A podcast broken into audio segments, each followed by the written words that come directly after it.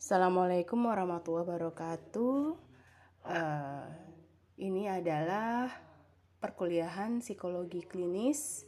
Pertemuan pertama materinya mengenai pengertian dasar psikologi klinis. Kita lihat pada slide kedua.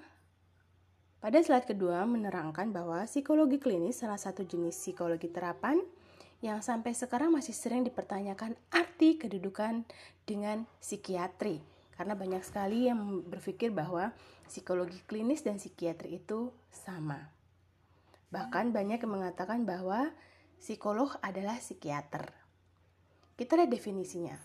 Psikiatri sendiri adalah cabang ilmu kedokteran di mana menangani kasus-kasus gangguan kejiwaan. Pada tahun 1920, Watson menghendaki adanya materi psikologi berdasarkan kaidah-kaidah ilmu pengetahuan yang objektif dapat diukur dan diamati yaitu melalui perilaku. Nah, akhirnya muncullah psikologi klinis yang merupakan psikologi yang paling tertua sekaligus merupakan akar wacana psikologi pada umumnya.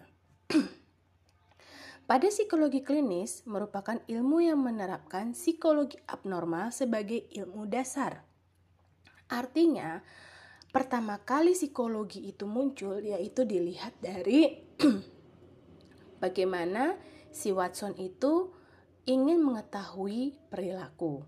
Muncullah uh, psikologi paling tertua yaitu psikologi klinis yang mana wacananya adalah psikologi pada umumnya Kemudian psikologi klinis ini mempelajari men mengenai beberapa materi atau uh, apa namanya kasus-kasus yang berkaitan dengan uh, psikologi abnormal sebagai ilmu dasar.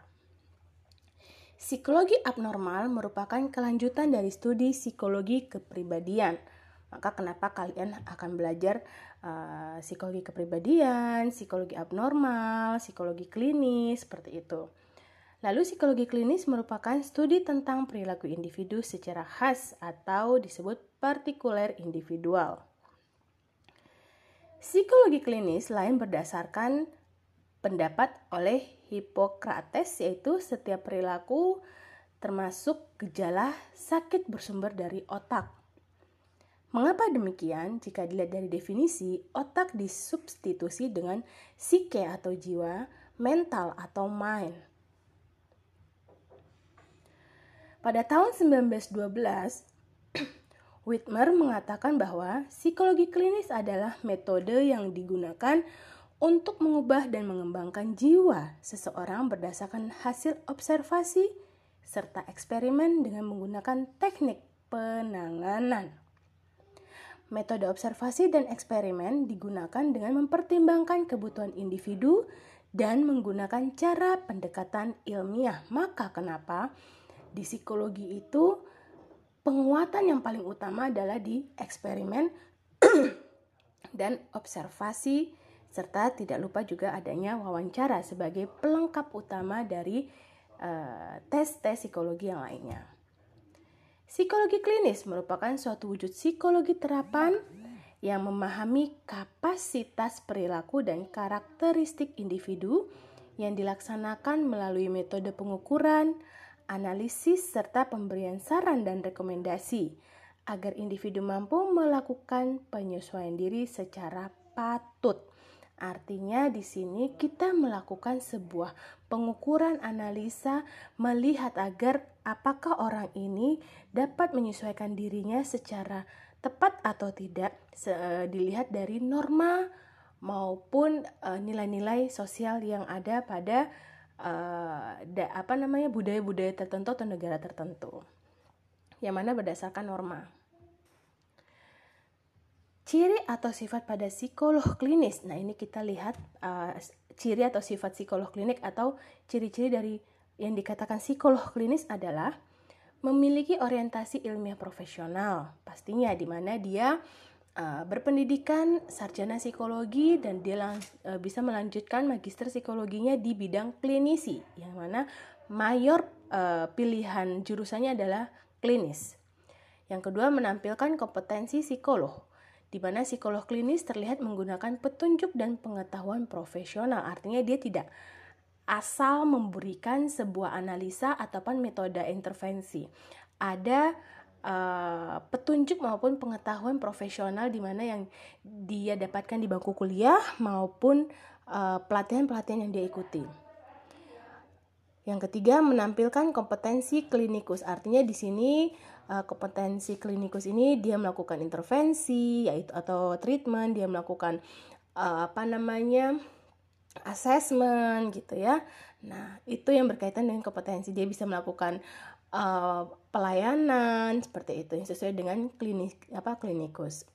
yang keempat, ilmiah mencapai kerja profesional dengan tetap melakukan validasi untuk setiap individu yang ia tangani. Artinya, ketika dia melakukan uh, penanganan pada individu, tetap dia pendekatan adalah secara ilmiah, tanpa melupakan bahwa psikologi pasti terikat dengan psikokultural spiritual.